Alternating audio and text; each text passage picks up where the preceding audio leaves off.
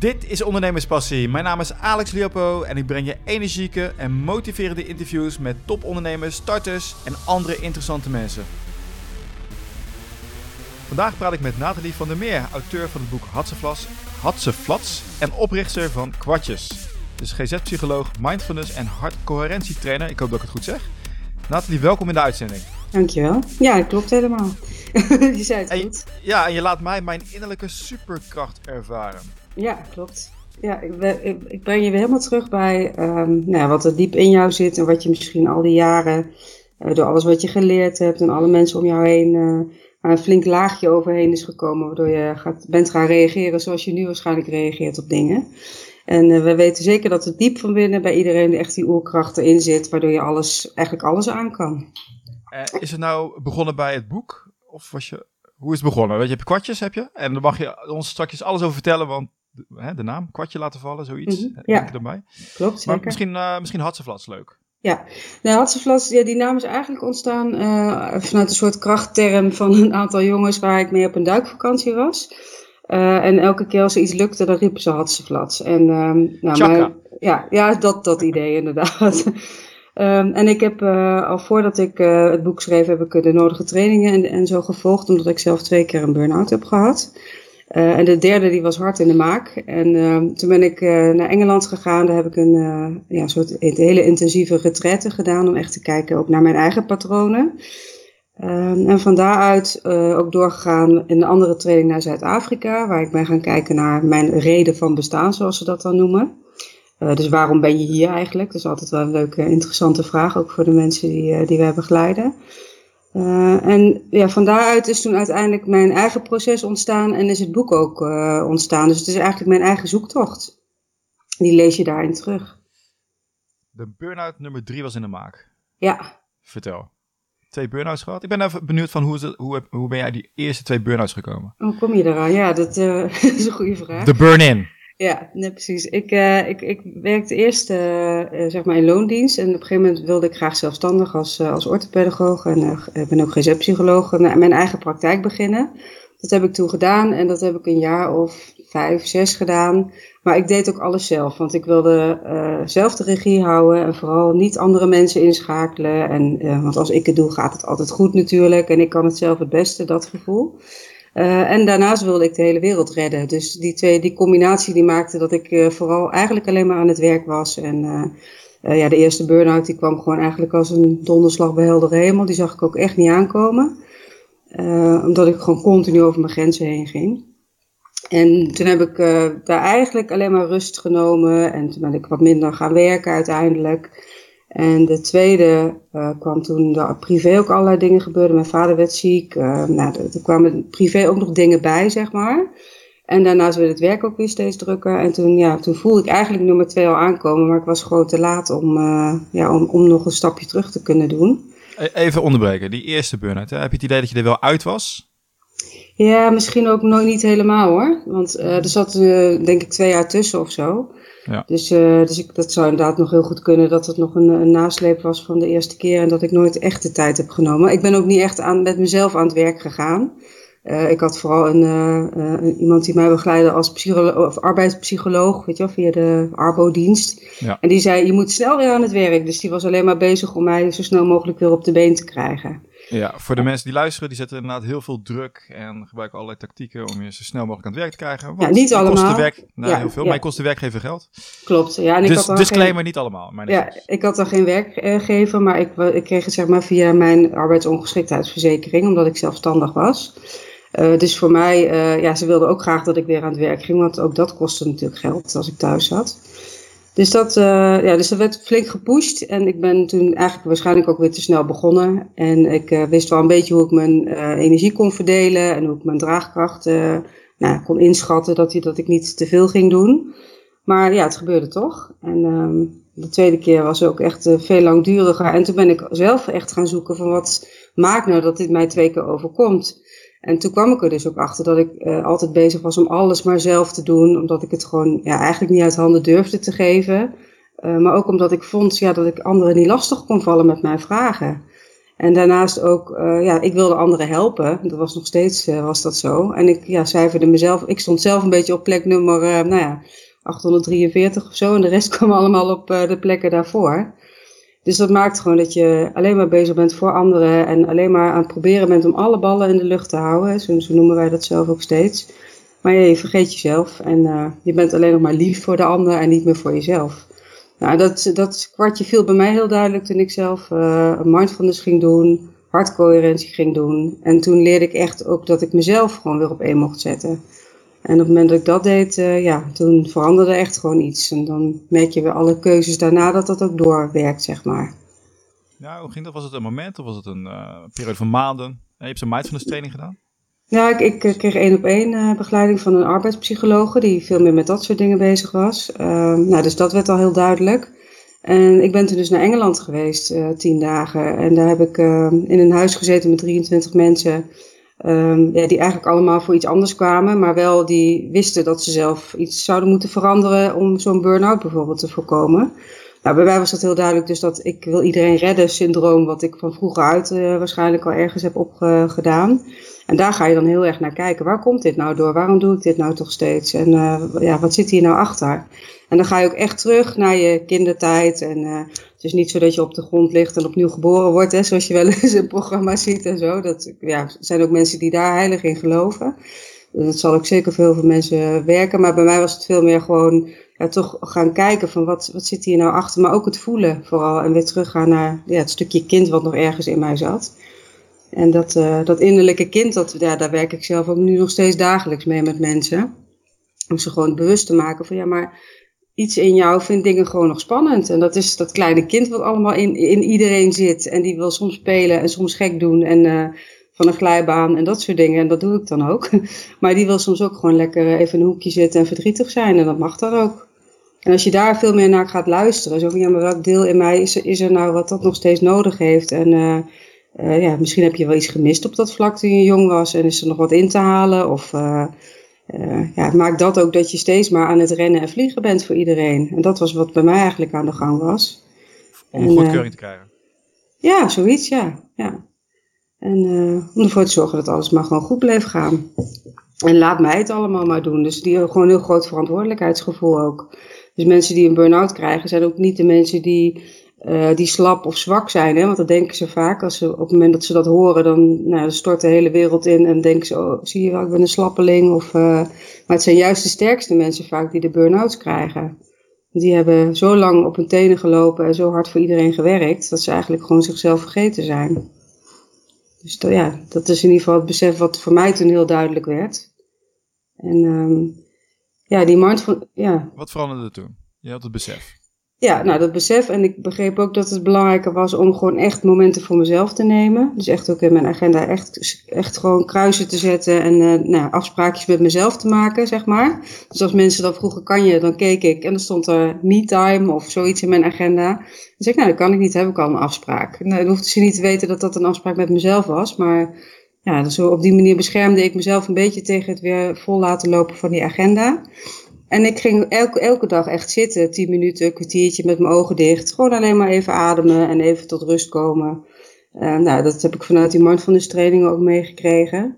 En ik, ik ben zelf niet iemand die drie kwartier of een uur uh, op de grond gaat liggen en oefeningen gaat doen. Of een bodyscan doet. Dat is een bekende oefening.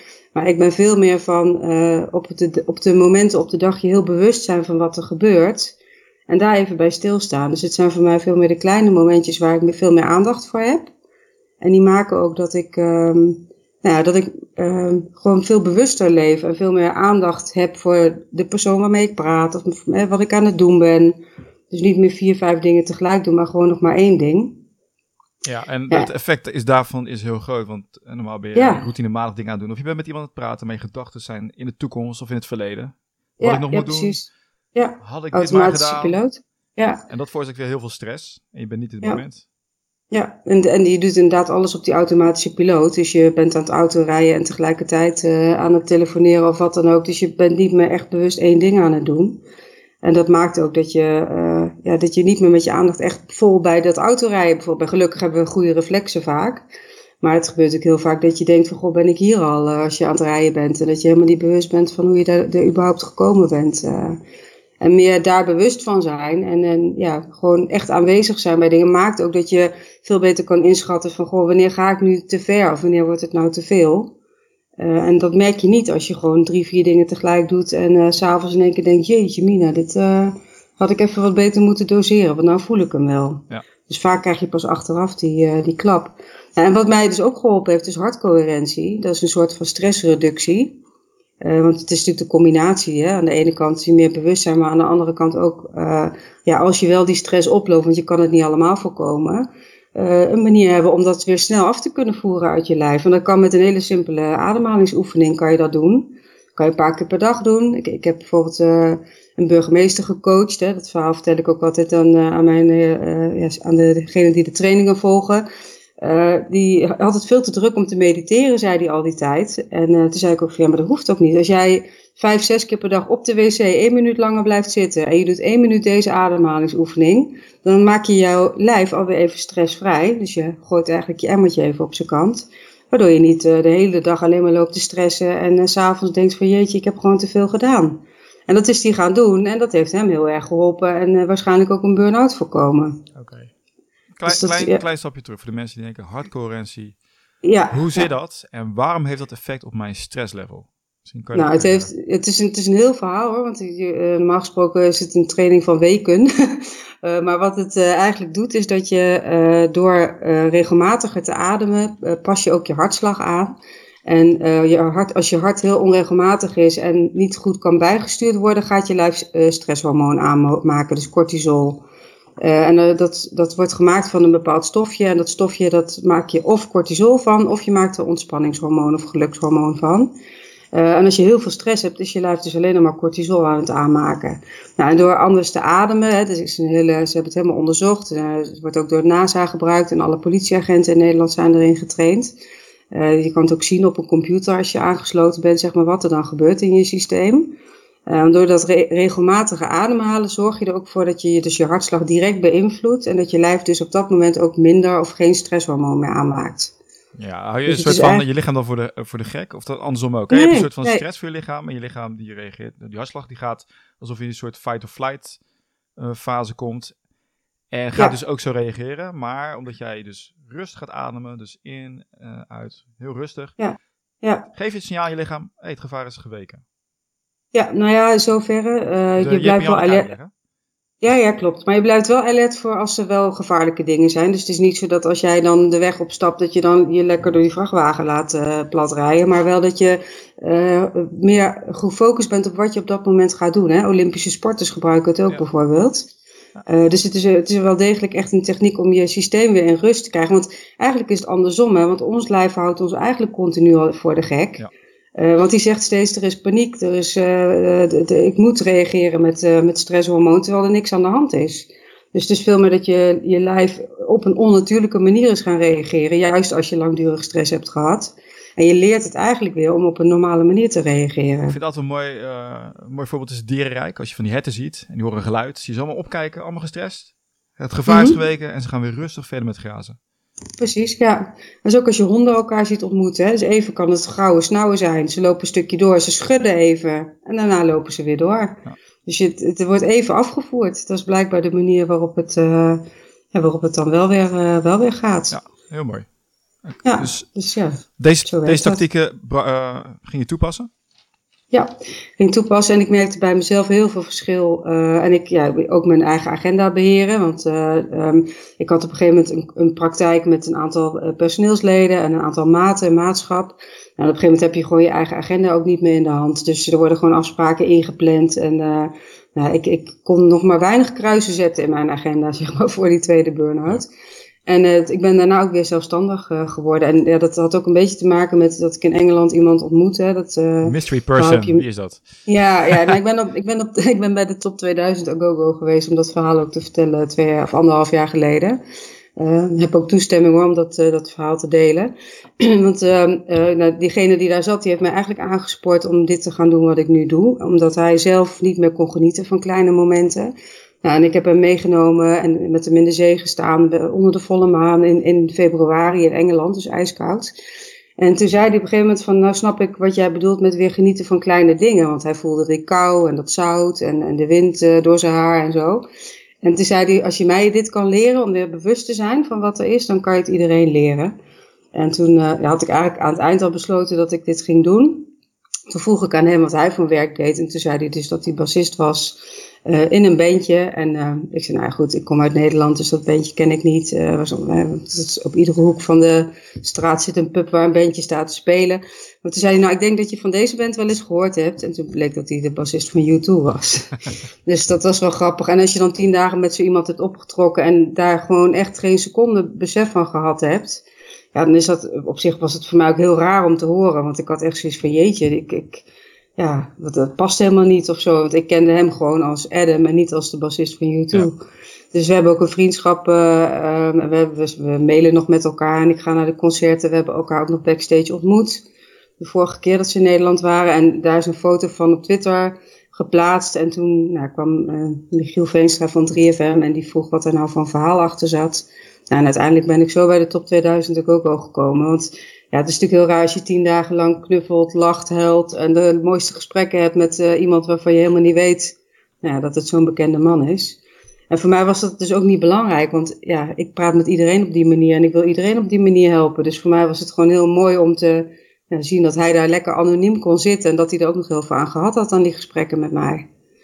Dus dat, uh, maar goed, dat was wel een duwtje dus in mijn rug om, uh, om ook echt een stap te zetten. Omdat ik zoiets had van, nou ja goed, ik vind het wel bijzonder als zo iemand dat zegt. Want die heeft alles. Ik bedoel, die heeft huizen, die heeft heel veel geld, die kan alles doen wat hij wil. En die simpele gesprekjes, daar heeft hij wat aan. Dus blijkbaar gebeurt er iets. Of de, of de grote les is inderdaad, geld maakt niet gelukkig. Ja, precies, dat, maakt ook. niks uit, ja. ja. Nee, dus dat is ook een van de dingen. Ja, weet je, voor mij is geld dus ook niet belangrijk, hoe raar dat ook klinkt. Maar ben ik veel meer bezig van, ja, weet je, als ik maar genoeg heb, dan is prima. En uh, ik doe ook heel veel voor mensen, um, nou ja, als een soort liefdadigheid. Of als, uh, weet je, juist de mensen die het hardst nodig hebben, die hebben vaak op dat moment ook financieel gewoon een heel groot uh, probleem. Als je daar, ja, en als ik dan denk van, weet je, ik kan ze helpen door alleen maar een aantal inzichten te delen. Uh, ja, en zo'n inzicht bijvoorbeeld van, weet je, begin nou echt bij jezelf. En ga nou eens gewoon kijken van wat je wel hebt in plaats van wat er niet is. En dan zie je mensen echt wel een hele grote ommezwaai maken. En ook mensen die echt hele moeilijke dingen meemaken, die deze, ja, wij geven dan een tweedaagse, die dat, die dat hebben meegemaakt, die zeggen ook van, uh, jeetje, als ik dit niet had kunnen doen of dit niet gedaan had, dan had, was ik nooit blijven staan. Dus iemand die een kind verloren heeft tien dagen nadat uh, dat, dat ze de tweedaagse gedaan heeft, die, die, nou, dus een vriendschap voor het leven ontstaan. We hebben nog steeds dagelijks contact zo'n beetje. Omdat, ja, zij zegt ook van ik, ik weet gewoon zeker dat ik nu de hele wereld aan kan door wat ik ervaren heb in die twee dagen. En wat gebeurt er dan in die twee dagen? Wat doen jullie? Ja, ja nou, het, is, het is dus een combinatie van die mindfulness en die hartcoherentie. Hè? Dus wat ik, uh, uh, wat ik net vertelde. Uh, maar daarnaast, nou, wij werken dus samen. Ik werk samen met mijn partner, met Jeroen. En hij werkt met voice dialogue. Dat is een manier van um, ja, in gesprek gaan met alle ikjes die in jou zitten. Hè? Die zeggen van, uh, oh dat kan je niet. Of uh, alles moet perfect. Weet je wel, dat soort stemmetjes. En als je daar zicht op krijgt van hoe, hoe dat bij jouzelf werkt. Dat zijn natuurlijk ook weer dingen die je van vroeger hebt meegenomen. Ja, dan krijg je heel veel inzicht in van, hé hey, wacht eens even. Ben ik dit nou eigenlijk zelf wel die vindt dat ik dit niet moet doen? Of is dit nou mijn vader of mijn moeder of de buurvrouw die er wat van vindt? En als je daar uh, veel bewuster van kan worden. En daarnaast dus ook veel bewuster kan zijn van, van het moment en kan gaan genieten en gewoon ziet wat er allemaal wel al is. En dan zie je er echt bij mensen gewoon, als ze binnenkomen en naar buiten gaan, dat is gewoon een wereld van verschil. Dus dat, ja, het is, het is heel bijzonder wat er gebeurt in die twee dagen. Het is heel intuïtief, dus het gaat heel erg op gevoel van wat heeft iemand nodig. Het is ook elke keer anders. Dat zijn ook uh, we hebben vaak een programma, en is heel globaal is dat zeg maar, want elke keer komt er wel weer wat anders boven de tafel. En we werken maar met vier mensen, dus dat is ook heel intensief, hè? want uh, het wordt ook echt, tussen die vier ontstaat er ook al vaak een soort verbinding voor het leven, ook al kennen ze elkaar maar twee dagen. dat is heel apart. En uh, ja, we hebben, we hebben, zeg maar, heel veel mensen werken van buiten naar binnen als ze mensen begeleiden. Dus ze gaan eerst de buitenste laagjes eraf om te kijken wat er naar onder zit. Nou, als je dat bij een bloembolletje zou doen, dan wordt het nooit een bloem. Dus je moet het van binnenuit laten komen en dan pas kan het echt een bloem worden. Dus die buitenste lagen die mogen er afvallen. maar wel als je van binnenuit gaat werken. Hoe doe je dat? Hoe doe je dat? Ja, dat is een goede. Heel intuïtief, maar misschien toch iets meer duidelijkheid geven voor mensen denken, wat? Ja, ja. Nee, het is, we werken, um, we, we, laten mensen echt ervaren wat ze hier te doen hebben. En dat heeft echt te maken met um, uh, wat zijn nou jouw allerbelangrijkste dingen? Uh, uh, wat, wat heeft voor jou nou de meeste waarde in jouw leven? zonder de, het, het, ja, sommige mensen vinden de, gebruiken het woord zweverig. Daar moeten we ook altijd erg om lachen. Want zweverig zijn voor ons meer de mensen die in hun hoofd zitten. Want dan heb je namelijk veel meer de neiging om omhoog te gaan, zeg maar, dan wanneer je gewoon lekker gaat zitten en stevig zit en zo'n oefening doet. Um, maar we laten dus ja, veel meer ervaren van um, wat heeft nou gemaakt bij jou dat jij uh, niet meer dat. Je wordt geboren en vervolgens gebeurt er van alles met je en in één keer vind je dat je van alles moet. En hoor je allerlei mensen uh, allerlei dingen roepen en zeggen. En pas als je uh, daarna terug kan gaan, dus als je kan zeggen van hé, maar wat wil ik nou eigenlijk zelf? Ben ik nou degene die uh, vindt dat het huis altijd opgeruimd moet zijn voordat ik met de kinderen kan gaan spelen? Of ben ik nou diegene die uh, het heel belangrijk vinden, vindt wat de buren ervan vinden? Of zijn dat stemmetjes van jouw ouders van vroeger? Hè? Want je leert als kind leren, ben je super afhankelijk van je ouders. Dus alles wat ze zeggen, alles wat, je, wat zij doen, heeft directe impact op jou. En als jij daar, en het is helemaal niet met slechte bedoelingen, of het zijn, uh, ieder, iedere ouder doet wat hij wat denkt dat goed is, ik zelf ook. Uh, zal ik ook de nodige dingen laten liggen. Maar het gaat er veel meer om dat je bewust van bent dat het wel gebeurd is. Ook met alle goede bedoelingen. En dat je ouders jou wel iets mee hebben gegeven. En uh, op bepaalde momenten kan je dus heel bewust worden van: ben ik dit nou? Of is dit nou iemand anders die mij dit heeft aangeleerd? Een patroontje wat ik heb ontwikkeld. Of iets wat ik gewoon al jaren op die manier heb gedaan. En er zijn echt mensen die op een bepaald moment zeggen: Weet je, ik ben er echt klaar mee. Dit is helemaal niet wat ik wil. Dit is gewoon een, een, een, reactie op wat ik altijd geleerd heb of, of gedacht heb dat goed was. Dus wij laten ze voelen. Ja, en dat kan ik heel moeilijk uitleggen, want dat moet je echt ervaren. Dat is niet iets wat je met woorden kan uitleggen. Je, we brengen mensen zeg maar in een, in een oefening, waardoor ze weer helemaal teruggaan ook van ja, maar wie ben ik nou eigenlijk zelf? En wat wil ik nou het allerliefst? Ja, toch, en dat gaat altijd. Hoe ziet zo'n oefening eruit? Ja, dat is gecombineerd. Het, het, gaat, er gebeurt van alles. Um, we werken bijvoorbeeld met uh, uh, nou, die voice dialogue bijvoorbeeld gaat over de bus. Uh, waar, waar je al die stemmetjes, al die subpersoontjes allemaal hebt zitten in jouw eigen bus ook. Hè? En jij denkt dat jij zelf achter het stuur zit, maar nu zit misschien Alex, de, weet ik veel, de interviewer achter het stuur. En als jij met vrienden bent, dan praat je waarschijnlijk heel anders dan dat je nu praat bijvoorbeeld. Maar het kan zijn dat jij heel erg perfectionistisch bent en dat die perfectionist altijd achter het stuur van jouw bus zit. Terwijl jij van jezelf eigenlijk denkt van, oh, maar wacht eens, weet je, ik mag best wel eens een keer een foutje maken. Maar je hebt als kind geleerd, nee, oh, dat kan niet, want dan gaat het mis. Of dan, uh, je, je moet het altijd goed doen en doe je best en vooral geen fouten maken. En op het moment dat je bewust bent van, hé, maar die perfectionist die neemt het nu over op het moment dat het eigenlijk helemaal niet hoeft. dus als jij aan het werk bent, kan jij denken bij jezelf van, nou, ik moet eerst die hele stapel afmaken voordat ik naar huis mag. Omdat jij die perfectionist constant achter die dat stuur hebt zitten. Maar je kan op een gegeven moment ook bedenken van hé, hey, maar wat als ik nou eens in plaats van die perfectionist de vader of de uh, gezellige man of de voeler of iemand anders achter het stuur mag zetten. En die besluit om lekker naar huis te gaan en met zijn kinderen te gaan spelen. Dus je krijgt veel meer regie over die poppetjes. Hoe dat in de oefening gaat, is dat je op verschillende stoelen gaat zitten. En letterlijk die uh, subpersoon van jou wordt. En dat, dat is echt heel gaaf ook om te zien wat er dan gebeurt. Want mensen krijgen een andere stem, ze krijgen een andere uitdrukking. Het heeft niks met hypnose of weet ik veel wat te maken. En iedereen die zit te kijken, die zit echt met open mond te kijken van wat gebeurt hier. Het is bijna cabaret soms, is echt heel bijzonder. Want je, je verandert zelf op die momenten, want dat doet Jeroen, dus die brengt je in die personen. En die gaat met die persoon in gesprek. Dus die gaat met die perfectionist van jou praten. En dus, en dus horen, waarom ben jij daar eigenlijk? Wanneer ben je ontstaan? Want die perfectionist is ook nuttig voor jou. Die is ergens een keer ontstaan omdat jij hem nodig had.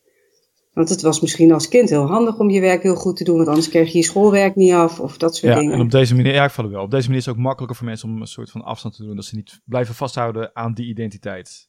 Maar zichzelf kunnen ja, ze heel meerdere, meerdere facetten eigenlijk. Ja, ja, ja. precies. En ze weten wel dat die personen er zijn. Je hoeft ze ook niet af te stoten, want ze hebben ook nog altijd een functie. want ze zijn niet voor iets gekomen. Het is interessant om te veranderen. En ja, dus dat hoeft ook niet. Ja, Ja, dus je wordt je er veel meer bewust van. En je gaat steeds meer, uh, nou ja, en dat combineren we dan weer met andere oefeningen. Dus het is maar, het klinkt, weet je, het is niet alleen die ene oefening, maar het gaat er ook over welke positie neem je aan in gesprekken. Um, nou, hoe zit het met het stuk kind in jou, waar ik in het begin al uh, het over had. Sommige mensen hebben dat kind heel ver weggestopt. En gaan uh, drinken, gaan gokken, gaan heel hard werken. En dat zijn, zijn typisch uh, dingen die naar voren komen op het moment dat je niet meer naar dat stukje kind ook in jou luistert, bijvoorbeeld. Dus het is een hele complexe samen, uh, ja, uh, combinatie van dingen eigenlijk die wij samen de afgelopen jaren allemaal zelf geleerd hebben. En daar hebben we ja, voor ons de belangrijkste dingen uitgepikt, zodat mensen het niet allemaal zelf opnieuw hoeven uit te vinden. Dan nog de belangrijkste. Dus ik, je, nou, niet het belangrijkste, maar ik ben wel benieuwd. Je hebt die twee dagen gehad, alleen dan ga je weer terug naar huis. En nu? Mhm. Je komt weer in je oude... Ja, en nu? omgeving terecht, nou, wat wij... jouw omgeving, je oude werk, je oude vriendenkring. Ja, nou we horen sowieso van mensen dat vaak de eerste week daarna dat er nog heel veel doordendert. En dat er dan dus ook nog heel veel kwartjes vallen, hè, want die gebruiken wij dan ook maar weer. Um, maar daarnaast hebben wij ook echt een soort vangnet is de mensen die samen in die tweedaagse hebben gezeten, zitten met elkaar altijd in een uh, WhatsApp-groep. Daar zie je zeker de eerste weken heel veel gebeuren. Dus dat mensen zeggen, oh, ik ben nou thuis. En uh, kijk, we, we zeggen ook altijd, als je naar huis gaat, hou er rekening mee dat ze thuis niet hebben meegemaakt wat jij hebt meegemaakt. Dus je kan niet in één keer van jouw man verwachten als jij zegt, tada, hier ben ik, ik, kom, uh, ik ben helemaal veranderd en ik ga het helemaal anders doen. Dat jouw man of je partner of je kinderen, wie dan ook, staan te applaudisseren en helemaal blij zijn. Maar die denken even, hé, hey, wat gebeurt hier? dat is niet de bedoeling. Dus je komt weerstand tegen. Nou, en we zeggen ook altijd, probeer het met hele kleine stapjes te vertellen wat je hebt ervaren, wat je zelf graag zou willen. Dus ook die dingen geven we mee, hoe je dat het beste kan doen. Uh, maar daarnaast is er dus ook met de groep onderling nog heel veel contact, zodat mensen ook samen nog even kunnen sparren van, goh, ik merk nou toch, hè, ik ben nou thuis en ik val gelijk weer terug in dat of dat of dat. Nou, en dan zitten wij zitten daar natuurlijk ook nog in. Dus wij reageren ook, soms bellen mensen, soms komen mensen nog even langs, zitten allemaal bij in. Dus wij doen gewoon een soort na-traject. Ja, je zegt het even heel snel, maar er zijn gewoon terugkomdagen, dat je gewoon bij jullie thuis kan komen. Ja, klopt. Ja. We hebben Reconnect heet dat. En dan kunnen mensen die dus die tweedaagse gedaan hebben, die kunnen hier gewoon uh, echt aan de keukentafel. En de laatste keer waren we hier met acht man. Ja, en, er wordt, en ook mensen uit verschillende groepen. En het loopt hier binnen en het is alsof ze elkaar al jaren kennen, want ze hebben allemaal hetzelfde meegemaakt. En er worden oefeningen gedaan. Uh, dus nou, als er iemand heel erg vastzit met iets, dan gaan we toch weer met die, met die bus aan de gang bijvoorbeeld. Of we doen meditaties of visualisaties. Die gebruik ik ook heel veel. Um, maar we hebben dus echt dat vangnet. En we hebben bijvoorbeeld 17 juni hebben we onze eigen museumdag. Hè. we hebben proberen van elke dag een museumdag te maken in de, in de training. Um, dus is mooie dingen te zien die er gebeuren die in jouw museum mogen hangen. En we, dus die museumdag die is dan speciaal voor mensen die die tweedaagse hebben gedaan. Dus iedereen die hem gedaan heeft, die komt die dag. En die gaan met elkaar samen in gesprek en samen dingen doen. Nou ja, en zo ja, blijven we contact houden met iedereen. We blijven ook af en toe even een berichtje sturen aan mensen als we denken, goh, daar hebben we al een tijdje niks van gehoord. En dan praten we weer even bij. En dan, uh, nou ja, ook op Facebook is er een besloten groep waar iedereen in zit. Nou, mensen die ergens tegenaan lopen, die posten daar en dan reageert iedereen weer op.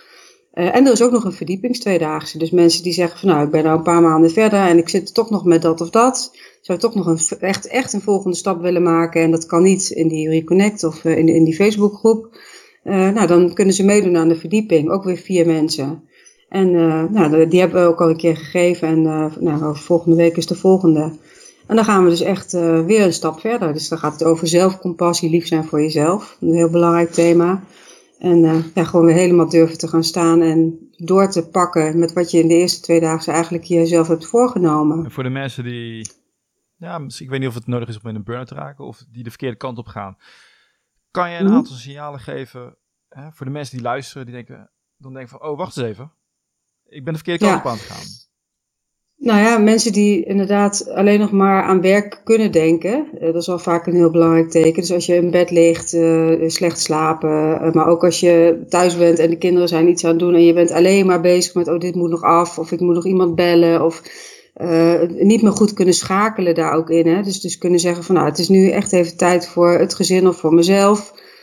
Maar ook gewoon die momenten dat je, als je gaat terugdenken, wanneer heb je nou echt even voor het laatste tijd voor jezelf genomen? Wanneer ben je echt even gaan zitten, even niks doen, of met een kopje koffie, of weet ik veel wat, maar gewoon met een boek, verzin het maar, niet over werk, maar gewoon echt tijd en ontspanning voor jezelf uh, genomen. En als je merkt dat die momenten steeds minder worden, En als je merkt dat je uh, gejaagd bent, dat je hart, hart onregelmatig klopt, uh, dat je uh, snel geïrriteerd bent, ruzie maakt met mensen, um, nou, allemaal van dat soort signalen, meer gaat eten of juist minder. Sommige mensen grijpen naar de fles als de stress oploopt om maar te dempen, zeg maar. Is ook een hele bekende.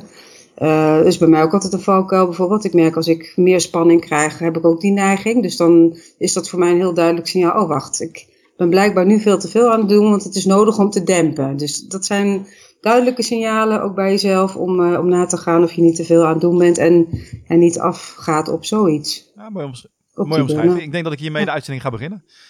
Oké. Okay. dan denken de mensen gelijk, hé, hey, wacht eens even. Ik herken mezelf.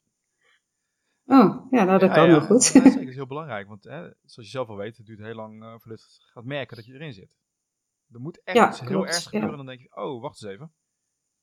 Ja, nou wij zeggen steeds uh, van, weet je, als je, uh, ons, ons hele systeem werkt daar vaak aan mee. Die gooit af en toe een keer een kiezeltje in je richting. En als je die niet oppikt, dat er iets aan de hand is, dan worden het grotere stenen en bakstenen. En op een gegeven moment wordt er een hele betonnen muur tegen je aangedenderd. En pas dan heb je door van, hé hey, wacht, nu gaat het echt niet meer. En dat zijn de mensen die op een gegeven moment plat op de grond liggen en gewoon echt niks meer kunnen zeggen of doen.